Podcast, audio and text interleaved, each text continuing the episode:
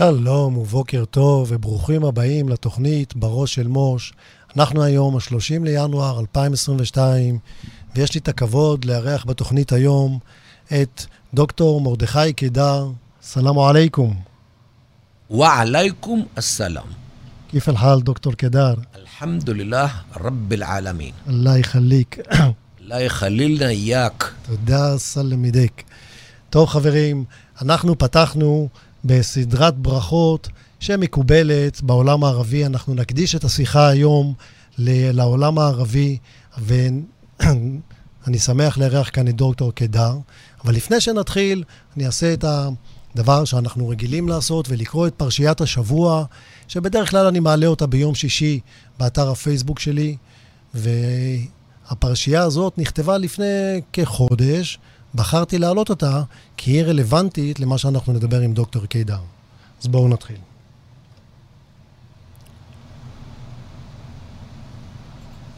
לדבר או לא לדבר? השבוע התאפיין בסימן הגיחה המפתיעה של ראש הרשות הפלסטינאית אבו מאזן לביקור ערב מפתיע אצל שר הביטחון בני גנץ. הביקור הצית את השאלה האם צריך לדבר עם אבו מאזן או לא.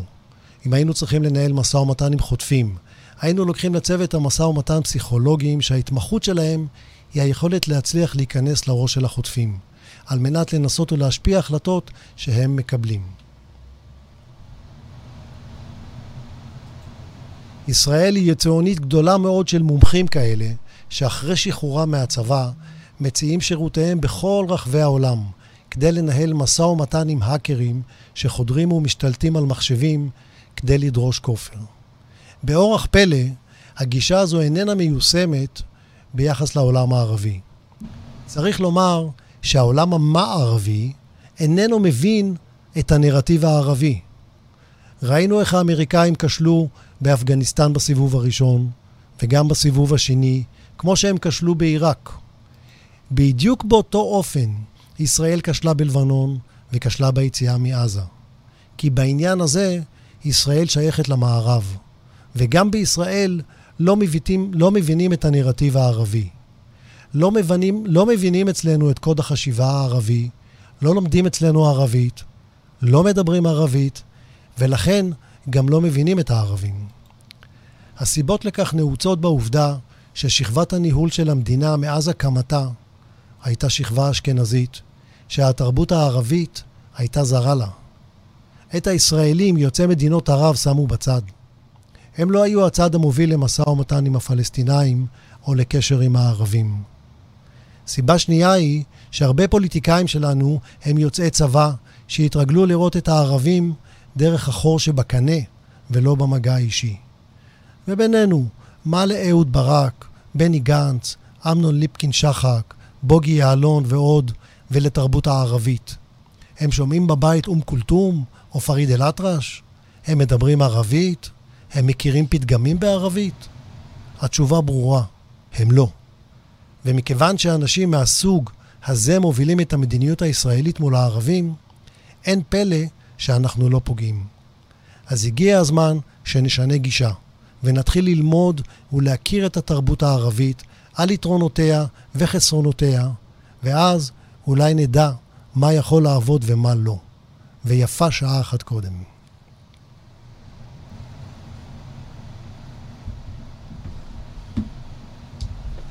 טוב, מרדכי קידר, לפני שתתייחס לפוסט שכתבתי, אני...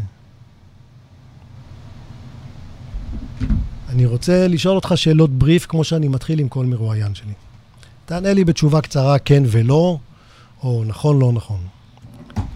עד כמה ישראלים מכירים את הנרטיב הערבי? לפני שאני הולך על השאלה הזאת, אני רוצה לבקש ממך, לפחות איתי, להפסיק לדבר על המילה נרטיב. אין דבר כזה. אז ברשותך, נחזור לזה. אני זוכר את זה, זאת תהיה הש- הנקודה הראשונה שתפתח איתה אחרי השאלות. אבל תענה לי על השאלה, כמה ישראלים מכירים את העולם הערבי? לא מכירים בכלל. האם כל הערבים דומים? ממש לא. האם ההחלטה להפסיק ללמוד לימודי ערבית בבית הספר היא החלטה נכונה בעיניך? חמורה יותר מאשר להפסיק ללמוד אנגלית. האם זה חשוב לדבר עם הערבים בשפתם? הרבה יותר מאשר חשוב לדבר איתם בכל שפה אחרת. האם חוסר ההבנה את העולם הערבי משפיע על ההחלטות הפוליטיות והמדיניות שאנחנו מקבלים? במאה אחוז. האם יש לך הסבר למה הישראלים לא מבינים את העולם הערבי? כן. הם מתנשאים עליו, רואים בו עולם שהוא לא רוצים. כיוון התפילה שלנו הוא לונדון. האם כל מוסלמי הוא פוטנציאל לטרוריסט? לא. האם כל טרוריסט הוא מוסלמי? היום רוב הטרוריסטים הם מוסלמים. יש לך הסבר לזה? כן. האם אתה יודע להסביר מדוע אין דמוקרטיה במדינות ערב? בוודאי. האם יש סיכוי לשלום אמיתי בין ישראל למדינות ערב? לא. שלום הזמני, כן. טוב. אני שאלתי אותך 11 שאלות, כל אחת מהן יכול... כל אחת מהן זה תוכנית שלמה. תוכנית שלמה. בוא תתחיל עם הנקודה של הנרטיב הערבי. לא, לא, לא, נרטיב בכלל. נרטיב זה מילה מודרנית, או הייתי אומר סופר מודרנית, או אפילו פוסט מודרנית, שנועדה להכשיר שקרים. זאת אומרת, אני ממציא איזשהו שקר, ואני חוזר עליו אלף פעמים, אני מאוד מאמין בו, והוא הופך להיות בשפה הפוסט-מודרניסטית נרטיב. זאת אומרת, לך יש נרטיב אמת, לי יש נרטיב שקר. זאת אומרת, לא, לך יש אמת, לי יש שקר, לשנינו יש נרטיב.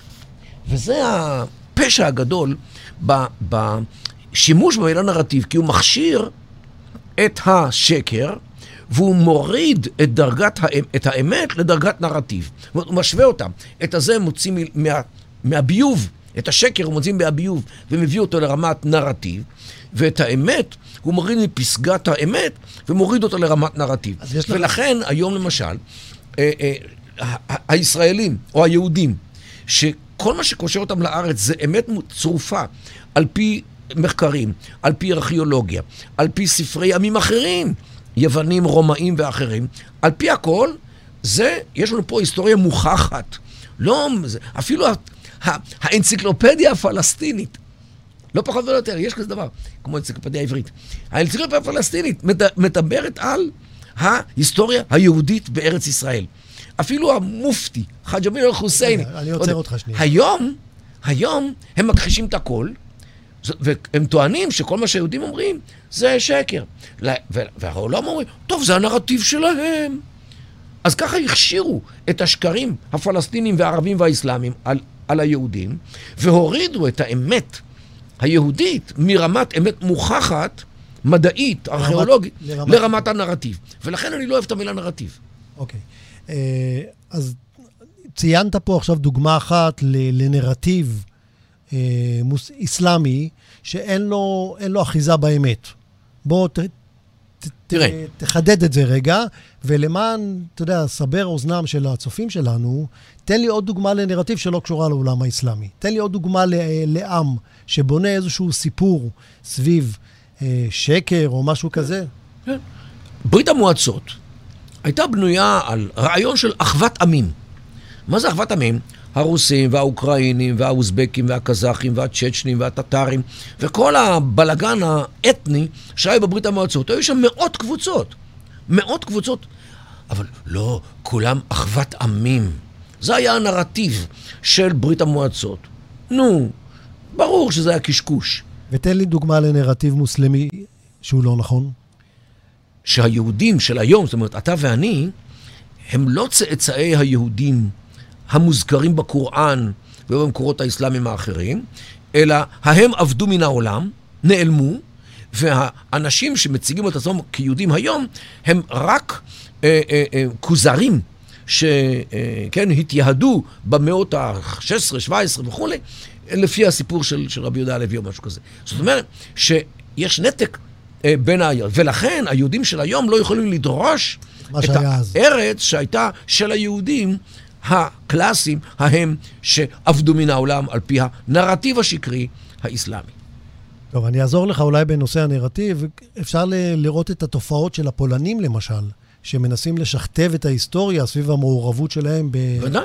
ב- בשואה, במלחמת. העולם השנייה, בוודאי. כבניית נרטיב שתומך במה... אבל כאן יש דברים הרבה יותר חוצפנים, שהם גם טיפשיים, אבל מה לעשות, אנשים מאמינים בזה. יום אחד האזנתי לטלוויזיה הירדנית. הם מעבירים שידורים, הם מעבירים שיעורים מתוך האוניברסיטה. למלא את הזמן בזול, בזיל הזול, ואתה יודע כמה, כמה עולה הפקה. לא, הם פשוט לוקחים מצלמה עם מיקרופון, הולכים לכיתה, משעה ויש להם שעה וחצי של שידור ישיר ומשכיל. יום אחד הקשבתי לשיעור היסטוריה באוניברסיטת אה, אמ"ן. עומד מרצה מול קבוצה של תלמידים שנראים קצת מבוגרים, נגיד תואר שני, תואר שלישי, ואומר להם, בערבית כמובן, שהתנ"ך נכתב אחרי 1948 כדי להצדיק את המפעל הציוני. והוא אומר את זה בפוקר פייס, והתלמידים מסתכלים, ונו, מה הם יודעים עכשיו? עכשיו, השקר הזה, מאוד קל להפריך אותו. למה? כי יש לתנ"ך תרגומים, החל מתרגום ה-70 ממאה השלישית לפני הספירה, גם הוא חובר על ידי הציונים אחרי 1948. יש את תרגום הוולגטה ללטינית, מהמאה הראשונה לספירה, גם הוא מהציונים. יש תרגומים לאנגלית בלי סוף ולהרבה שפות אחרות מימי הביניים, ויש יצירות מוזיקליות שכתב פלסטרינה ובאך ומוצרט והנדל, ומי לא, ש- שכוללים פסוקים מהתנ"ך. כן, ה- המשיח של הנדל, שנכתב במאה ה-17, מתחיל ב- ב- בישעיהו מ', נחמו נחמו עמי, comfort my people. אז, אז, אז גם זה חובר על ידי הציונים אחרי 1948, גם מה שהנדל כתב. ועוד נרטיב אולי שצריך להזכיר בהיבט הערבי, זה הקשר לירושלים. זה בכלל סדרת אולי שקרים. תיתן, אולי תיתן אה, איזושהי אנקדוטה קצרה על, ה, על הנרטיב שהם בונים סביב הקשר של האסלאם לירושלים, והאם בכלל ירושלים מוזכרה באסלאם, ב- בקוראן. דבר ראשון, לא מוזכרת בקוראן. זה צריך ל- ל- לקחת. ועל זה אתה חותם, אתה מוכן ל- להתמודד עם הטענה הזו מול כל אה, מופתי או... תביא, תביא, יש, יש לי קונקורדנציה של הקוראן, שכל המילים של הקוראן מופיעות שם כאנטריס, כ- כערכים. המילה אל-קודס לא מופיעה, בית אל-מקדס, שזה השם של ירושלים, בית אל-מקדס. ש, כן, שזה גם כן מופיע בחדית, לא מופיע בקוראן, אורשלים אה, לא מופיע, שזה השם הנוצרי, ואיליה, שזה קיצור של איליה קפילות, קפיטולינה, השם הרומי, גם הוא לא מופיע בקוראן. וזה על פי הקונקורדנציה, חוץ מזה שגם קראתי את הקוראן ולא מופיע. זאת אומרת, לא מופיע בקוראן. מה שקרה הוא, זה ש-50 שנה אחרי שמוחמד מת, הוא מת ב-632 לספירה. ב-682, 50 שנה לאחר מכן, פרץ מרד במכה, ובני מכה לא אפשרו לבני אומיה, אלה שהתנחלו באזור הזה שלנו, באזור השם, מה שנקרא, סוריה הגדולה, לא אפשרו להם ללכת, ללכת לחאג'. אז הם חיפשו מקום אחר לחאג'. אז הם בחרו את ירושלים כמקום לחאג', והם לקחו פסוק מהקוראן שמדבר על נסיעה בלילה של מוחמד. מה, מהמסגד הקדוש למסגד, למסגד הרחוק, אל-אקצא, אמרו שהוא בירושלים. למרות שבמקור הוא היה בכפר שנקרא ג'וערנה, 29 וחצי קילומטר ממכה לכיוון צפון-מזרח. זה היה, זה היה, בזמן מוחמד. זה היה המקדש הרחוק. זה המסגד, המסגד הרחוק. היה- ליד העיר הזאת, ליד הכפר הזה, היו שני מסגדים. על פי מקורות אסלאמיים, לא אני כתבתי את זה. המסגד הקרוב, שהיה קרוב יותר לכפר, והמסגד הרחוק, שהיה יותר קרוב, יותר רחוק מהכפר. אז כל הסיפור המוגבה בקוראן על הנסיעה בלילה היה לאותו מסגד רחוק שנמצא אז 30 קילומטר ממכה. 30 קילומטר ממכה. אבל כאשר פרץ המרד של בני, של בני מכה נגד בני אומיה ששלטו פה, והם סגרו להם את דרך החאג', אז הם בחרו את ירושלים כמקום עלייה לרגל במקום מכה, וכדי לה... עכשיו, היות שירושלים לא מופיע בקוראן, אז הם לא יכולים להצדיק את זה. אז הם אמרו שמה שמוזכר בקוראן, כי המסגד אל-אקצא, המסגד הרחוק, שמוזכר בקוראן, הוא בעצם בירושלים. והם חיברו אלפי סיפורים, שכולם שקר, על כך ש, שכל המסע בלילה של, של, של מוחמד וכל הפרטים שלו והכל, הכל קשור לירושלים. לא רק זה, הם גם, לא רק זה שהם שקרים, הם גנבים. את הכיפת הסלע הראשונה, הרי הם, הם היו בדואים, שלא יודעים מה יודעים אוהל, אוהל משיער של, של, של כבשים ושל, ושל גמלים. את, ה, את הכיפת הסלע הראשונה הם גנבו, מה, לקחו, מכנסייה בבעלבק, נוצרית. שהם שלטו עליהם ואמרו להם, חבר'ה, תפרקו את הכנסייה שלכם ותעבירו את זה לירושלים ותבנו לנו את זה שמה, אחרת אוי ואבוי יהיה לכם. אז זה מה שהנוצרים המסכנים עשו. אז כיפת הסלע הייתה בעצם גניבה של אה, זה, וזה על פי מקורות, לא, לא, לא מקורות יהודיים, על פי מקורות אסלאמיים, או מקורות, מקורות ערביים. שמדברים על הדבר הזה בדיוק. וכל, וכל ההיסטוריה האסלאמית מדברת, תראה, אפילו, תראה, השיעה... רגע, שנייה תכף נגיע לשיעה. יש עוד כהני דת מוסלמים שמגלים הגינות אה, אינטלקטואלית כזאת והם מוכנים להודות כן. שירושלים לא מוזכרת בקוראן? א', לא צריך להיות הגון ולא צריך להיות כהן דת. כל אחד שיודע לקרוא, יכול, יודע ש... ש אה, אה, ירושלים לא מופיע בקוראן, ו, וכל אחד שיגיד שהיא מופיעה בקוראן, אז יואיל להראות לי. לא, אבל אני שואל אם יש, לא. יש אנשי דת. לא, השאלה היא, אם יש אנשים הגונים שמכירים את הסיפור האמיתי של ההעברה, במרכאות, של אל-אקצא, מג'ורנה, 30 קילומטר ממכה, לירושלים. יש. יש, תתפלא שיש. שמעתי פעם על איזה אה, איש דת מצרי. שסיפר אה, סיפור יש, כזה. יש אה, יוסף זדל המצרי שמדבר על זה. יש אה, בכלל היסטוריונים קלאסיים אסלאמיים, כמו אבן חליקן וסמהודי וכל מיני אחרים שלאחרונה שמואל בקוביץ', עורך דין מירושלים, כתב מחקר גדול על הנושא של ירושלים. אני תרמתי שם איזשהו קטע בנושא הזה של כל המקורות האסלאמיים שמדברים על כך, על כל הסיפור הזה של העברת אל-אקצא המזויפת על ידי בני אומיה מג'ורנה לירושלים. העניין הוא שגם הסעודים, היום הם הולכים בעקבותיו ההלכתיות של אבן תימיה. אבן תימיה חכם מוסלמי שחי בימי הביניים ב, ב, בדמשק. והוא הכיר את הסיפור האמיתי, איך ירושלים הפכה, הפכה קדושה, והוא בהחלט התייחס לזה בכתביו. הם הולכים בעקבותיו, והם היום טוענים, במאמרים שמפרסמים, בעיתון אה, שהוא עיתון ממשלתי, שבעצם אה, אל-אקצא נמצא אצלם. כל פנים הוא לא פה. אז יש, יש, לי, יש סיכוי לעצור את, ה, את הנרטיב הזה, שאתה, את המילה שאתה לא אוהב? של, אה, של, שלמוסלמים יש... אה, יש לישראל סיכוי לעשות את זה אם היא תתחיל לעשות את זה. הצהרה של ישראל הרשמית, משרד החוץ וכל מי שעוסק בהסברה רשמית בישראל, מתרחק ת"ק על ת"ק פרסה מכל מה שקשור לדת ולהיסטוריה. כולם מדברים, אנחנו רוצים שלום ושלום ושלום ושלום ושלום. אף אחד לא מדבר על השורשים, כי לא נעים להם, זה לא politically correct. וזה עלול חס ושלום להפריך את הנרטיב של הצד השני. כי זה לא יפה לדבר על האחרים. וזה לדעתי העקב אכילס של ההסברה הישראלית. היא, היא מאוד מגבילה את עצמה ב... היא בעיקר, היא בעיקר אה, חס... לא מקצועית. לא מקצועית זה מסקנה. כשאני אומר לא מקצועית, אני אומר, היא לא, היא, שוב, אני, אני פתחתי בלשאול אותך כמה הישראלים מכירים את העולם הערבי. תראה, ההסברה הישראלית... כשאתה לא מכיר את העולם הערבי, אז אתה לא יודע גם איפה, איך להסביר. ההסברה הישראלית היא, אתה יכול, מול, מול התעמולה הערבית, זה כמו כשאתה מנסה לשחק אה, פינג פונג, שולחן, בזירה של היאבקות חופשית עם כיסאות ושולחנות מברזל. אוקיי? אתה לא יכול. לנצח בשטויות שאתה אומר. אתה צריך לצאת לקרב, לתת להם בשיניים. אה, תשמע, כל פעם ששואלים אותי על ירושלים, אז אני אומר שאנחנו היינו בירושלים לפני שלושת אלפים שנה, כשאבותיכם היו שותים יין, קוברי בנות בחיים, ועובדים אלילים ואלילות. כי למה? כי האסלאם ביטל את כל הדברים הללו רק לפני 1,400 שנים. ואנחנו כבר בירושלים לפני שלושת אלפים שנה, בימי דוד ושלמה. מתועד. אז מה, אז אנחנו צריכים לשאול אתכם מה לעשות בירושלים? אתם כבשתם את ירושלים במאה השביעית. טוב, אנחנו נגיע לזה עוד. אה, אני רוצה שתיתן לצופים שלנו בכמה נקודות קצרות וממוקדות את, אה, את העקרונות המרכזיים של האסלאם. יש איזה שלושה, ארבעה עקרונות שאתה מדבר עליהם, כללים מרכזיים של האסלאם, ש, שאני חושב שחשוב שהציבור הישראלי יכיר אותם.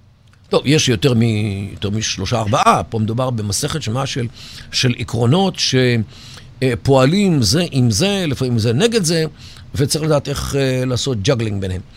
העיקרון העליון באסלאם זה של מה שנקרא בערבית, الإسلام يعلو ولا يعلى عليه. האסלאם הוא עליון ושום דבר לא מעליו. זאת אומרת, האסלאם הגיע לעולם בשביל לבטל את כל הדתות האחרות, גם את היהדות, גם את הנצרות. הם לקחו את תיאוריית ההחלפה הנוצרית, כן, שהנצרות החליפה את היהדות, הם עכשיו לוקחים את זה צעד אחד קדימה. האסלאם הגיע לעולם בשביל לבטל. להחליף גם את היהדות, גם את הנצרות, ולנכס לעצמו את כל מה שאי פעם היה יהודי או נוצרי.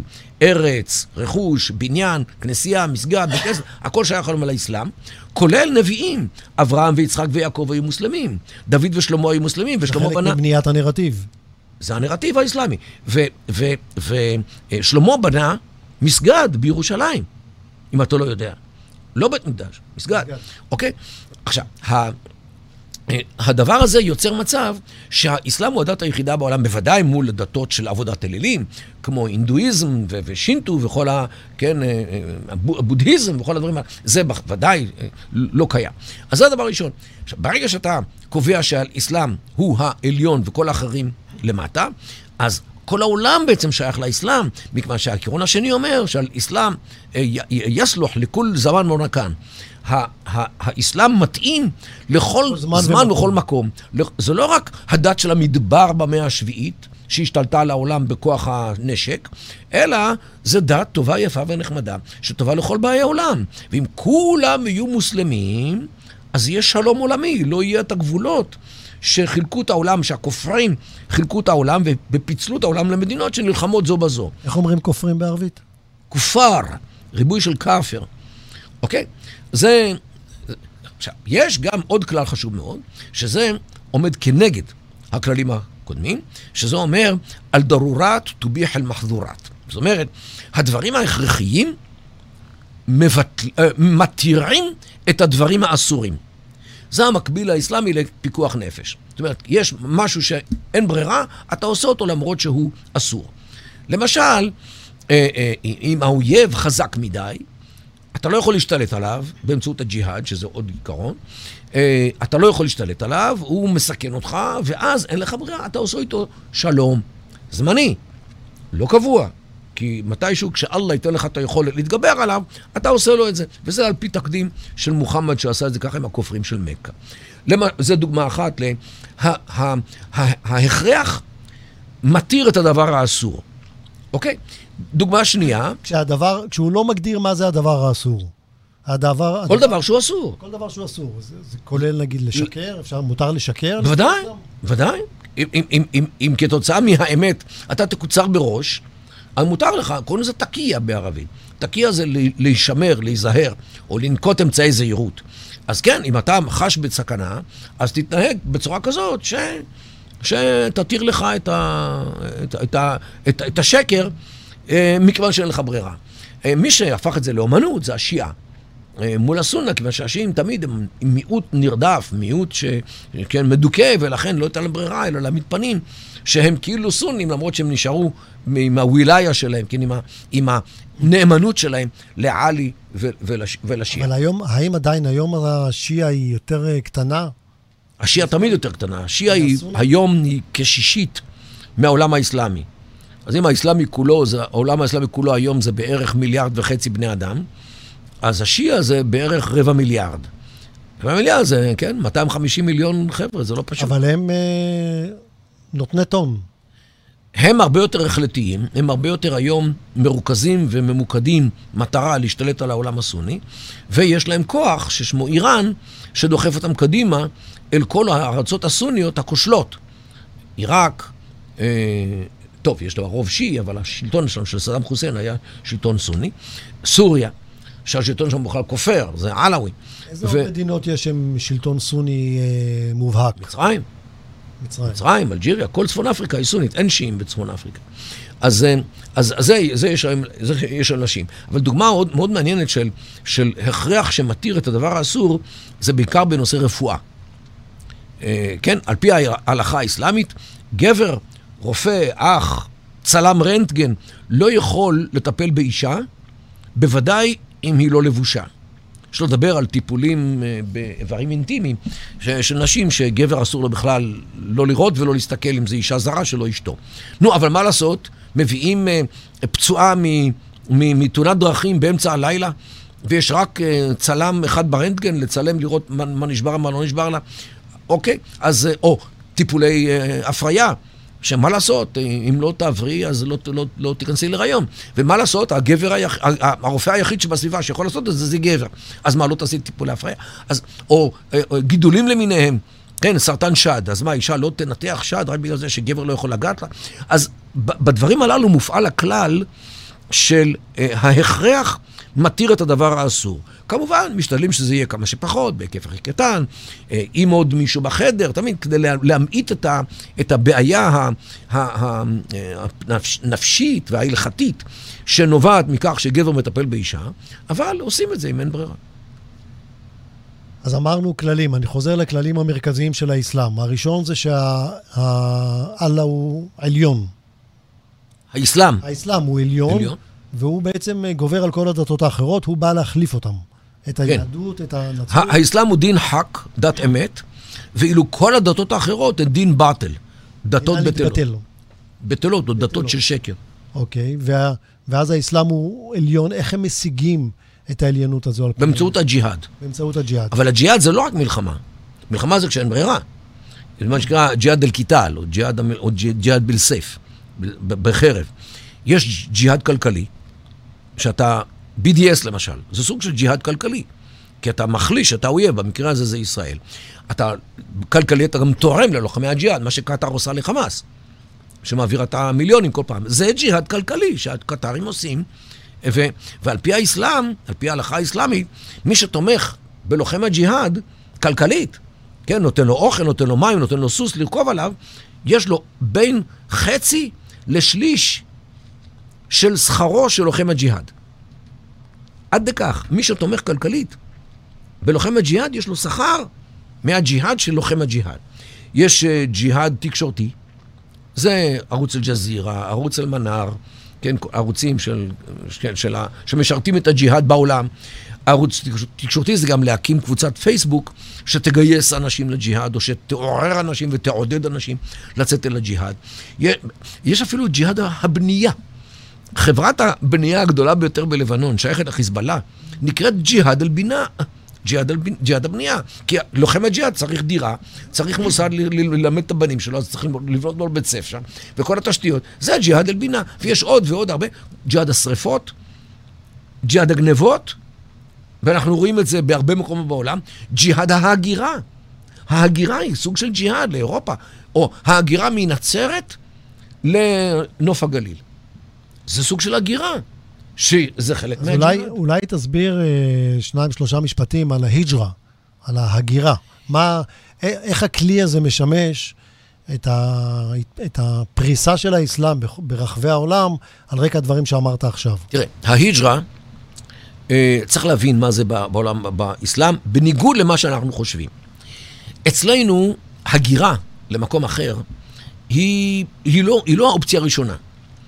כי אדם מגיע לגיל בגרות, אם יש לו בית ספר ללמוד או אוניברסיטה, אם יש לו מקום עבודה, אם יש לו בן, בת, זוג, ואם יש לו בית הגון לגור בו, אם, אם, אם מקום מולדתו מספק לו את ארבעת המרכיבים הללו, הוא נשאר. מה יחפש בחו"ל? אין לו מה לחפש בחו"ל. רק כאשר המרכיבים הללו, אחד או יותר, לא קיימים, אז הוא הולך לחפש את מזונו בחו"ל, אוקיי? זה אצלנו, זה במערב, זה בכל מקום. בעולם האסלאמי, בעולם האסלאמי, לא. ההגירה זה האופציה הראשונה, הטובה יותר. להישאר במקום שלך זה לא טוב. איך יודעים? מוחמד. מוחמד את, עשה את ההיג'רה בשנת 622 לספירה. ממכה למדינה. ממכה למדינה. זה בעצם בריחה, אבל נקרא הגירה. עכשיו שים לב, אצלנו ההיסטוריה מתחילה עם בריאת העולם. כן, אנחנו סופרים כך וכך שנים לבריאת העולם. כי זה האירוע המכונן של העולם. הנוצרים, האירוע המכונן... הולדת ישו. לא הולדת ישו, הוא נולד ב-25 לדצמבר. ה-25 לדצמבר, אם אדם נולד ב-25, אז זה היום הראשון שלו, 26, 7, 8, 9, 30, 31. הראשון לינואר זה היום השמיני שלו, זה היום שבו הוא... נימול. נימול! למה? כי, כי הוא הופך ליהודי שלם בגופו. אוקיי? והיות שהנצרות מציבה את עצמה כתחליף ליהדות, אז ביום שישו הפך ליהודי בכל גופו, אז אפשר להתחיל את ההיסטוריה. באסלאם, הם מתחילים את ההיסטוריה לא כשמוחמד נולד, ב-570 לספירה, לא כשהוא התחיל את הוואחי, את ההשראה האלוהית, ב-610 פחות או יותר, לא בשום מקום, רק כאשר הוא היגר ממכה למדינה. זה תחילת ההיסטוריה. למה? מכיוון שהוא הפך מאדם נרדף, אדם מושפל, כמעט נרצח, בעיר מולדתו מכה, הוא הופך לשליט, הופך לפוליטיקאי, הופך למצביא של צבא, הופך למפקד. זה הדבר החשוב ביותר. לא תחילת הנבואה שלו, לא לידתו, אלא הפיכתו, הפיכתו לש, לשליט באמצעות ההגירה. ולכן האירוע הזה הוא האירוע המכונן של האסלאם, ההגירה של מוחמד, לא כל, כל דבר אחרים, ולכן ההגירה היא הדבר האידיאלי ביותר, ולכן אם כל מוסלמי רוצה ללכת בעקבותיו של מוחמד, וזה בעצם האידיאל האסלאמי, לפעול כפי שפעל הנביא, כי הוא היה מהדי, הוא היה אה, אה, מונחה על ידי אללה, הוא לא יכול לטעות, הוא מעסום, לא מסוגל לטעות, ולכן כל מוסלמי שרוצה להתנהג בהתנהגות האסלאמית האידיאלית, חייב לחקות את הנביא ולהגר, כמו שהוא יהיה. כמובן, להגר לארץ שבו הוא יכול לפרוח ול, ולהשתלט בסופו של דבר, כמו שהנביא עשה את זה במדינה, אוקיי? לא, לא ללכת למקום שבו הוא והבנים שלו יימשכו אל תוך הכפירה. זה אסור להגר לשם. אבל להגר למקום שבו הוא יכול לפרוח, להתנחל, להכות שורשים, לבנות מסגדים, לבנות בתי ספר, לבנות בתי, בתי, בתי מדרש, מדרסות, וכל הדברים הללו, ולהתפתח ולהשתלט בסופו של דבר. באמצעות החוקים הדמוקרטיים, כמו שעושים היום באירופה, זה מצווה גדולה להגר לשם. זו, זה תהליך שאנחנו רואים מצוין באירופה, שבה אה, המוסלמים מהגרים למדינות רווחה, מדינות שיכולות לתת להם אה, כלים להתקיים מבחינה כלכלית, ואז הם מתחילים להכות שורשים, מסגדים. כן, וזה מה ש... תראה, נכון שאלה שבורחים לשם, הם בורחים מהמלחמות, אם זה בלוב, אם זה בסוריה, אם זה מעיראק או מקומות אחרים, ואין בכלל אה, מה להגיד, הם מחפשים אה, קורת גג מסודרת, אוכל ותעסוקה נורמלית. אז עובר להם מהר מאוד. או, ברגע שהם מגיעים ומתנחלים, והם מתקבעים באיזשהו מקום, פתאום יוצא להם השד האסלאמי, ו, אה, ומתחיל לדרוש את הדרישות. זה אוכל חלל. עכשיו, לא רק אוכל חלל לילדים שלהם בבית ספר, שכל הילדים, גם בני הנוצרים שבאים לבית ספר, יהיו אוכל חלל, כי לילד האסלאמי לא נעים לשבת בכיתה כשהילד על ידו אוכל חזיר. אוקיי? אז זה חייב להיות חלל, גם האחרים. הם לא, לא יכולים ללמד על השואה, מכיוון שהשואה זה בעצם, כך או אחרת, הצדקה לקיומה של מדינת ישראל, וזה לא נעים להם ללמוד את זה. אז יש דרישות שלהם להוריד את הדבר הזה. הם, הם, הם נגד אה, צלצולים של, אה, של פעמוני כנסיות, כי זה לא נעים להם. אבל במסגדים ש... אין בעיה. חבל, בוודאי שלא. זה שחמש לפנות בוקר הם, הם, הם, הם ישר צועקים אללהו אכבר מהמסגדים, זה בסדר, עם רמקולים. אגב, לגבי הנושא הזה של רמקול, יש הרי חוק בישראל, חוק למניעת דציבלים, רעש וזיהום אוויר ודציבלים, אבל הוא לא, הוא לא מופעל על מסגדים. המסגדים ש, שיוצאים ברעש נורא ואיום, ו, ו, וגם פוגעים במוסלמים שלא רוצים לשמוע את זה, רק הם שותקים כי הם פוחדים. עכשיו, למה החוק הזה לא מופעל? זה שמדינת ישראל לא רוצה להיראות כמדינה אנטי-אסלאמית. אני אומר, חבר'ה, בשום ספר מקורי באסלאם לא כתוב שזה ה... לא כתוב שצריך רמקול. אין. הרמקול זה המצאה מודרנית.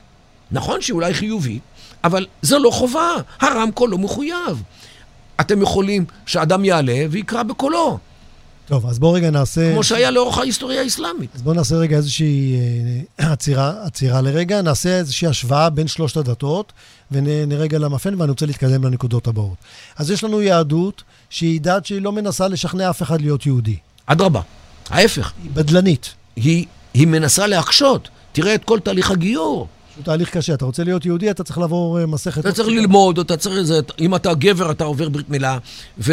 ואתה מחויב גם לאחר מכן לשמור שבת וכל הדברים האלו. מה, מי, מי, מי, איזה אדם שפוי? מתי מעט. יש את הנצרות, שבמשך שנים ארוכות ניסתה באמצעות המסע המיסיונרי להכניס אנשים אה, לתוך הדת עצמה, והיא לדעתי היום הדת הכי גדולה בעולם, אבל אה, היא... היא בנסיגה לדעתי. בנסיגה, אבל היא לא כל כך uh, דומיננטית. היא מאוד מאוד... Uh, היא רגועה מאוד. כן. ויש את האסלאם, שהוא, שהיא דת מאוד מיסיונרית, במובן מלחמתי, לא, לוחמני. גם לוחמני, אבל לא, יש הרבה מאוד מתאסלמים. בעיקר באירופה, בארצות הברית, שמגלים פתאום, תראה, אירופה היא רובה אתאיסטית, היא כבר לא נוצרית. אנשים שאין להם שום עניין בשום דת. והחבר'ה הללו גדלים, במה? בריק.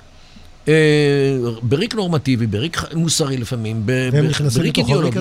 ופתאום הם רואים קבוצה ופתאום רואים קבוצה שמלוכדים, יש להם, כן, זמני תפילה ואוכלים והכל, והכל בסדר, וחבר'ה גם אוהבים אחד את השני, קבוצה מלוכדת. החברה האירופאית, חברה מפורקת. חברה עם, עם, עם אינדיבידואלים, גם בארצות הברית. חברה עם, עם פרטים שלא מדברים אחד עם השני, גרים בבדידות. פתאום הם רואים קבוצה, זה בעיקר בולט בקולג'ים, במכללות. ש... וזה בולט בעיקר אצל בנות. ומה לעשות, הבנות באירופה וגם באמריקה, הן פעילות מבחינה מינית, מגיל נערות, אוקיי? וזה בגלל הליברליזם, וכן, וכל הדברים הללו. בחורה מגיעה לגיל 20, או 19 או 18, היא הולכת לקולג', היא כבר ראתה הכל ועשתה הכל, וכבר הכל נמאס לה מכל הדברים הללו. פתאום היא רואה קבוצה של בנות, אה, מאוד מלוכדת, שמחה, בחורות מוחג'בת, כן, עם החיג'אב, והיא יודעת שהבנות הללו הן אה, לא אופציה. והבנים, גם, גם איתם בקשר, לא נוגעים, מכבדים, והבחורה, נגיד האמריקאית, שהיא כבר שנים פעילה מבחינה מינית, מסתכלת על הדבר ואומרת, רגע, רגע, רגע, אולי זה יותר טוב. אולי אני לא הייתי בסדר עם כל ההתנהלות הזאת, מה נשאר לי מזה? נותן לה... ניצלו אותי פה וניצלו אותי שם. פרספקטיבה אחרת. ניצלו אותי פה, ניצלו אותי שם, ההוא ניצל, וההוא ניצל, וההוא ניצל, וההוא זרק אותי, וזה... אולי באמת עדיף היה להיות כזאת אחת שמחכה אה, ליחסי מין רק אחרי החתונה. ו, ויש הרבה בהחלט, ש... אתה יודע מה, תיכנס ליוטיוב ותכתוב בחלון החיפוש, Why did I convert to Islam? אתה תמצא הרבה מאוד אה, אה, סרטים שבחורים, בחורות עומדים מול מצלמה או באיזשהו ראיון ומדברים על איז, איך גיליתי את האור כשהתאסלמתי, כמה טוב עכשיו, כמה החיים שלי הפכו להיות לחיים עם, עם ערכים. נותן מסגרת לחיים, מסגרת וערכים. מסגרת וערכים, ולצערי יש שם גם לא מעט יהודים ויהודיות. שמדברים על זה בדיוק, כי מה לעשות, החיים היהודיים בארצות הברית למשל, זה לא בדיוק, אה, רוב, רוב היהודים בארצות הברית חיים לא ביהדות פרקטית, אה, כן, אורתודוקסים שהולכים לחינוך יהודי. זה הרוב, הרוב שם הם חיים כאמריקאים לכל דבר ועניין. ולכן ההתפרקות מערכי היהדות בארצות הברית, שמתבטאת אגב בנישואי תערובת. של, לא יודע, 70-80 אחוז מיהודי ארה"ב, בניהם לא התחתנו עם יהודים, כן. בגלל הסיפור הזה. אז אותם אלו, הם כבר לא נחשבים ליהודים מבחינה פרקטית. יהודים מבחינת הלידה, כן, מה שנקרא Jew by birth, JBB. אבל, אבל אה, הם, הם לא, פרקטיקה, לא, לא עושים פרקטיקה יהודית, ולכן הם לא קשורים גם לקהילה יהודית, ולכן הסיכוי שהם יתחתנו עם יהודי או יהודייה הוא אפס, או קרוב לאפס. והסיכוי שלהם גם להיגרר אחרי המוסלמים או המוסלמיות הללו שנמצאים בקולג', שהם רואים אותם, הוא גבוה מאוד. יש פה פיתוי. טוב, אז עכשיו בואו, אחרי שנתנו סקירה קצת על האסלאם וקצת על העולם הערבי, בואו רגע נדבר על השאלות אה, פתיח ששאלתי אותך ודיברת עליהן. איפה אנחנו, איפה אנחנו טועים בזה שאנחנו לא מלמדים ערבית בבתי ספר אצלנו? מה המשמעות של זה? אנחנו עושים אה, אה, טעות גדולה מאוד בשני מישורים. האחד, המישור הביטחוני. מה לעשות, אה, אה, גם צה"ל וגם גופים, גופי ביטחון אחרים צריכים דוברי ערבית, היום גם דוברי פרסית, וכשלא מלמדים את זה בתיכון, בצורה מסודרת, אז הצבא צריך, הצבא וארגונים אחרים, צריכים להשקיע הרבה מאוד זמן, מאמצים. בנושא הזה. אז הם עושים קורס של שישה חודשים ומלמדים אותם. לא, אז במקום לשרת, אתה... רבע, זה, לבנות זה רבע מהשירות. זה בא על חשבון הבא, זה בא על חשבון... אז יש כאלה שעושים את זה בקד"צ, קדם צבאי. אז בסדר, אז מה הרווחת? אז הבחור יפסיד שנה, ולא כולם רוצים ללכת לקד"צ, כי לא רוצים להפסיד שנה בחיים. לא, גם, גם הלוחמים צריכים את הערבית. גם לוחמים. שמע, היה... הם לא לומדים את זה. היה מקרה עצוב מאוד בלבנון, שחיילים, שניים, היו, היו בג'יפ, כשעוד היינו בלבנון, והיו צריכים להגיע לאיזשהו כפר, לפגוש מישהו. והיה מזלג דרכים, והיה שלט בערבית, לכפר הזה ימינה, הכפר הזה שמאלה. הכפר החיובי היה ימינה, הכפר השלילי היה שמאלה. הם לא יודעים לקרוא, גם לא יודעים לקרוא, כולו 28 סימנים. פנו לכפר הלא נכון, וקרה מה שקרה, ונגמר okay, לא טוב. אז חוסר... אז... אם לא, יודע, לא יודע, יודעים לקרוא שלט, תעזור לדבר, לא צריך לדבר. תקרא, כל, כל אדם יודע לזהות סימנים. לא? מה, לא יודעים לזהות סימני מתמטיקה ועברית ואנגלית, שזה אלפבית השונה? אז יש אלפבית הערבית, אז מה? אי אפשר ללמוד את זה? זה, זה טכני. זה אפילו לא עניין של כושר קליטת שפה, זה כושר לפענח סימנים. ולכן, אה, אילו היו מלמדים אפילו ברמה המינימלית הזאת של לקרוא שלט, אז היו נחסכים חיים של שני חיילים. כך שהנה לך, גם הדבר הזה קורה. ואיזה עוד היבטים יש לעובדה שאנחנו לא מדברים את השפה? מה, מה זה עושה למרקם אתה- החיים בישראל? גם, גם הנושא של הידברות.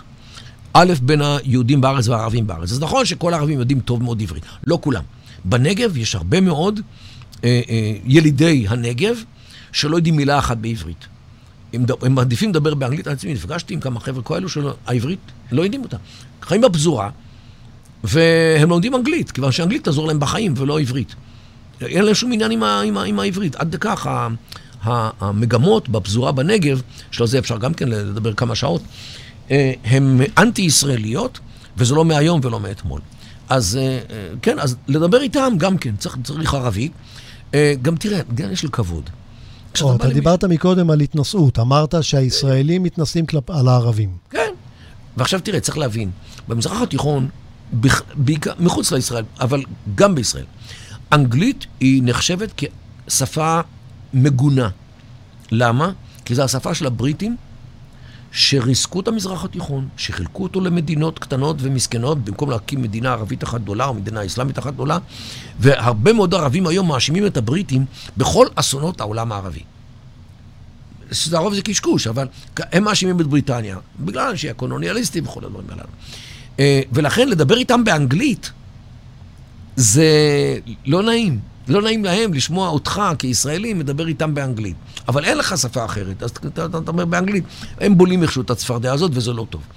ברגע שאתה מדבר עם, עם, ערבי, עם ערבי, לא משנה אם אתה, אתה יכול להיות הכי קיצוני בימין הישראלי. דבר איתו ערבית, הוא כבר מכבד אותך על הנקודה הזאת. אז הוא לא, הוא לא מסכים איתך על שום מילה, אבל לפחות הוא מצדיע לך על זה שאתה מתאמץ, מדבר איתו בשפה שלו. יש פה בהחלט איזשהו מחווה. שוב, אני לא אומר לוותר, לא, לא, על כלום אל תוותר. לא על אומרת- הארץ, לא על הדגל, לא על כלום. אבל דבר איתו כמו בן אדם. אז, אז עצם העובדה שמדברים ונותנים להם כבוד בשיחה, בצורה זה א' מכובדת, ב' של יח, יחס בין אנושי. אז אתה חושב שהגישה הישראלית היא גישה מתנשאת, ואתה רואה לחלוטין. בפוליטיקה? אתה רואה את זה גם אצל. הפוליטיקאים?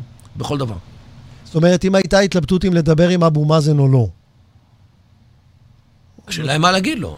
אז לא מה להגיד, יש פה אנשים שחיים פה, אתה תומך ב... הסיפור של אבו מאזן זה סיפור אני דווקא לא מדבר, לא רוצה לדבר על אבו מאזן כפרסונה, אני לא, רוצה ודאי. לדבר על, הרשות על, הרשות, על השכנים, על הבן אדם, אתה... הרשות הפלסטינית היא תוצאה של בורות ישראלית. במקרה הטוב, והתנהגות בלתי מוסרית ישראלית במקרה הרע. למה? נתחיל עם המקרה הרע, בלתי מוסרית. אה, מה שק... כל הרשות הפלסטינית הזאת קמה ב... על, משא ומתן שהתנהל ב-93, קמה ב-94, בגלל מקרה שקרה בדצמבר 92.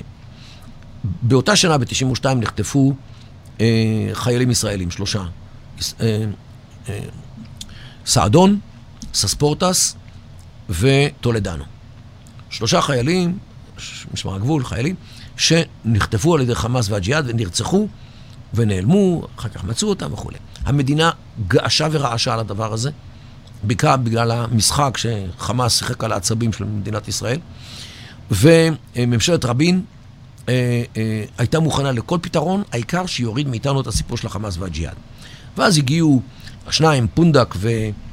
והירשפלד, והם מכרו ליוסי ביילין את אש"ף, משיחות שהיו באוסלו, ופתחו את, ה, את, ה, את המסלול מאחורי הגב של הממשלה, ופרס כמובן גם הובא בסוד העניינים בהמשך, והביאו בעצם את ערפאת לטפל בחמאס ובג'יהאד בלי בגז ובלי בצלם. למה? כי ממשלת רבין הגלתה ללבנון 415 מ- מ- מ- מנהיגי חמאס וג'יהאד בשלג, שמה אותם במקום שנקרא מרג'ל זוהור ב- בלבנון. ואז בצלם פנה לבג"ץ, פנה לבג"ץ, ו... אה, כי אין בספר החוקים הישראלי עונש ששמו הגליה לשלג של לבנון. אתם רוצים, תשימו אותם למשפט, תרשיעו אותם, תושיבו אותם בכלא. אם יצאו זכאים, תשלחו אותם הביתה. אבל מה זה לש, לש, לשלח אנשים בלי משפט לשלג בלבנון? אין דבר כזה. אז ככה, בג"ץ ובצלם גרמו לממשלת רבין בושה נוראה ואיומה. הם נאלצו להחזיר מלבנון את אותם 415 מנהיגי חמאס והג'יהאד. אז הם חיפשו פתרון. אז בא ביילין, יחד עם הירשפלד ו... ו כן, אבל ו- ו- אני. בכוונה רגע עוצר אותך. עם, עם פתרון. והביאו את ערפאת כדי שהוא יטפל בחמאס ובג'יהאד בלי בג"ץ ובלי בצלם. זה הסיפור. מדינת ישראל מעולם לא עשתה מעשה פחות מוסרי מזה. להביא פלסטיני שיטפל בפלסטינים, מה זה מה זה יטפל? יטפל בלי בג"ץ, בלי בצלם, זאת אומרת, במקרה הטוב ישלח אותם ללבנון, במקרה הרע ישלח אותם לקבר. זה המשמעות, אין משמעות אחרת למילה יטפל בחמאס ובג'יהאד, בלי בגז ובלי בצלם. אבל זה גורר אותנו כן. לאוסלו, אני דווקא לא רציתי היום להיכנס לזה, זה אולי... לא, אבל זה, מזה יצא אוסלו. אנחנו נקדיש לזה אולי איזשהו מפגש אחר, כי פה יש כמה אספקטים לטפל עליהם, אבל אה, אני רציתי רגע לחזור איתך, לנסות להבין למה ישראלים לא מבינים את העולם הערבי. כי ישראלים חיים באירופה, בראש. איך אמרנו קודם, כיוון התפילה שלהם זה לונדון, פריז, ניו יורק, סן פרנסיסקו. זאת אומרת, הצורת חשיבה הישראלית היא צורת חשיבה מערבית. לא, זה לא רק צורת, גם המדינה שלנו זו מדינה דמוקרטית, שבנויה על דגם אירופאי, או על חשיבה אירופאית, הפרדת רשויות, אה, מדינה אזרחית, מדינת כל אזרחיה, או מדינה ש, שיש בה אזרחים, לא משנה, שוויון. בין יהודים, מוסלמים, אה, נוצרים, דרוזים, וכל הדברים האלה. אוקיי? יש בה הפרדת רשויות, רשות, כאילו, רשות שופטת, רשות מחוקקת, רשות מבצעת. זאת אומרת, הדגם השלטוני, הציבורי, המדיני, שעליו קמה מדינת ישראל, הוא דגם אירופאי. אז בעצם, בעצם אני כתבתי את זה בפרשייה, ואני אגיד את זה במשפט, תגיד לי אם אתה מסכים איתו. הגוף שלנו במזרח התיכון, אבל הראש שלנו הוא במערב, באירופה. כן, אתה יכול, אה, אתה יכול לקחת את שירו של יהודה הלוי ולכתוב עליו בהפוך. ליבי במערב ואני בקצווי המזרח. קצווי המזרח. הוא כתב הפוך, הוא הרי חי בספרד, הוא אומר, ליבי במזרח, זאת אומרת בארץ ישראל, ואני בסוף מערב. כן. הנה לך.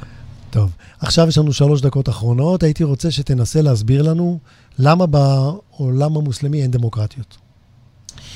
כי הדמוקרטיה היא עוגה, נגיד, שהיא בנויה מזכויות אדם, זכויות נשים, חופש דת, חופש מדת, שוויון בין כל הדתות, שלטון החוק האנושי, שבני אדם קובעים אותו, ובחירות, נגיד. נגיד שאלה ה...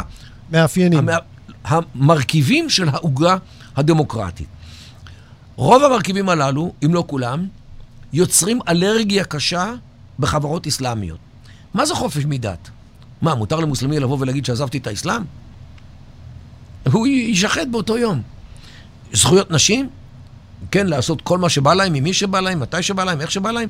זה, אין דבר כזה בעולם האסלאמי. אישה צריכה להישאר בתולה עד, עד החתונה, ואוי ואבוי להם תביא בושה למשפחה לפני החתונה וגם אחרי החתונה. אוקיי? אז אין, אין, דבר, אין דבר כזה. זכויות נשים כפי שהן מוכרות ב, ב, במערב הדמוקרטי. אה, אה, פעילות, אה, חירות הדיבור. מותר לך למתוח ביקורת על האסלאם בחברה אסלאמית. אין דבר כזה.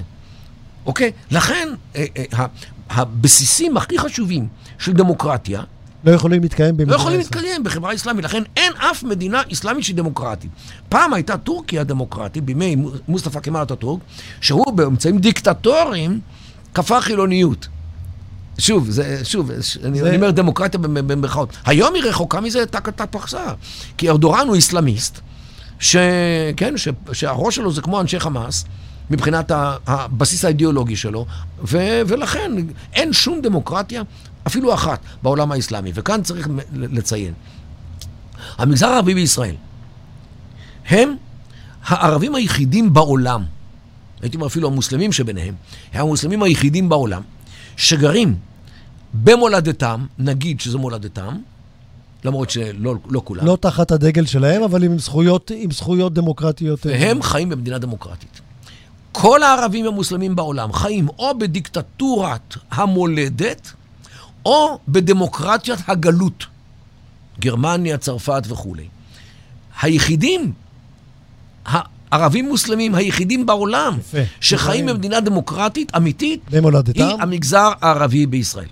והם לא מבסוטים. ועדיין יש להם טענות. טוב, זה כבר נושא לשיחה אחרת.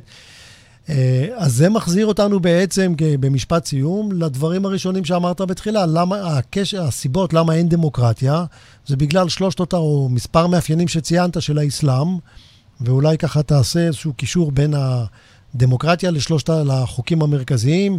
האל... הדבר היחיד שפועל במזרח התיכון זה מדינות השבט. כווית, קטאר, אבו דאבי, דובאי, אומן, אלה מדינות שבנויות על תרבות השבט. כי זה הדבר היחיד ש... אה, שאפשר לבסס עליו שלטון, שהוא חלק ממסורת המזרח התיכון. דמוקרטיה, סוציאליזם, בעת', גם בעיראק, גם בסוריה, או, או טרוצקיזם, כמו שהיה בתימן הדרומית בשנות ה-90, כל הדברים האלה מיובאים מחו"ל. לא מתאימים לחברה המקומית. והם לא יכולים לפתור את, את בעיותיה של החברה המקומית, מכיוון שהם אה, חליפות אידיאולוגיות שנתפרו על פי מידת הכתפיים התרבותיים של אירופאים, אם זה מזרח אירופאים של מי שהביא אותם. של אחרים, של מי שנפל בקסמם כשהוא למד בסורבון או באוקספורד, או עכשיו, במוסקבה. אז עכשיו אנחנו נשאל את השאלה ולא נענה עליה, אה, וזה יהיה פר... מבוא לפרק הבא. אינשאללה. זה בעצם כל הדברים האלה שאמרת היום וציינת אותם בשיחה בינינו, צריכים להביא אותם בחשבון כשבאים לדון בסוג הפתרון שאנחנו רוצים עם, הפלס... עם הסכסוך הפלסטיני. וזה יהיה נכון לומר בשלב הזה שאף אחת מהמפלגות שאנחנו רואים היום בזה לא עושה את הדיון הזה. כי כולם חושבים כמו הישראלים, שבאים... ולא כמו מזרח תיכונים. הבנתי. דוקטור מרדכי קדר, היה מרתק. תודה רבה. אני נהניתי, החכמתי. כשנהנים הזמן עובר מהר. כן, תודה רבה. וחברים, אני בזה אומר לכם, נפרד מהתוכנית, אומר תודה רבה למרדכי קדר, שהחכים אותנו בידע הרב שלו. אני מקווה שאתם נהניתם, למדתם והחכמתם, ואנחנו ניפגש במפגש הבא עם מרדכי קדר. תודה חברים, ולהתראות. הרדיו החברתי הראשון, הכוח חוזר לאנשים.